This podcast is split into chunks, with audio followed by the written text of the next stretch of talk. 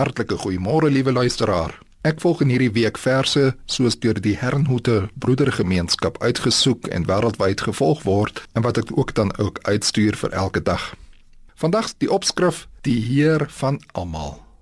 Daar lees ons in Handelinge 10 vers 35: God maak geen onderskeid nie uit watter nasie ook al aanvaar hy enige iemand wat hom vereer en wat reg doen. Juis dit is die boodskap wat God aan Israel gestuur het toe Jesus Christus die evangelie van vrede gebring is. Hy is Here van almal.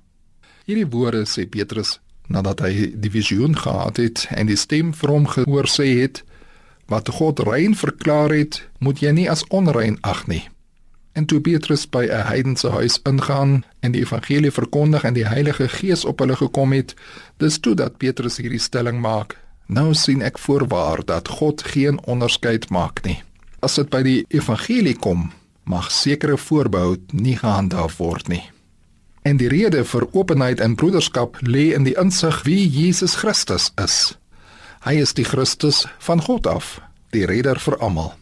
Paulus skryf in sy brief aan die Romeine: "Hulle almal het gesondig en almal word uit genade alleen gered.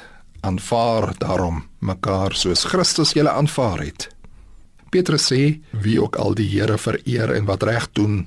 Ons kan ook met Markus sê: "Wie ook al glo sal gered word." En is daarom outomaties my suster en my broer in Christus. Op 'n ander plek sê Paulus: "Daarom sien ons mekaar nie meer volgens die uiterlike nie." Maar soos Christus ons sien. Taal, kultuur, tradisie is noodsaaklik vir die verspreiding van die evangelie. Bo alles is die woord van vrede, of soos dit ook vertaal kan word, die Christus van vrede, ons hoogste prioriteit. Hy is die verbindende en genesende krag. Voor God is hulle almal gelyk. Almal word uitgenooi na die feesmaal van die Here. Wat 'n geleentheid het ons juis in Suid-Afrika om hierdie waarheid sigbaar te leef.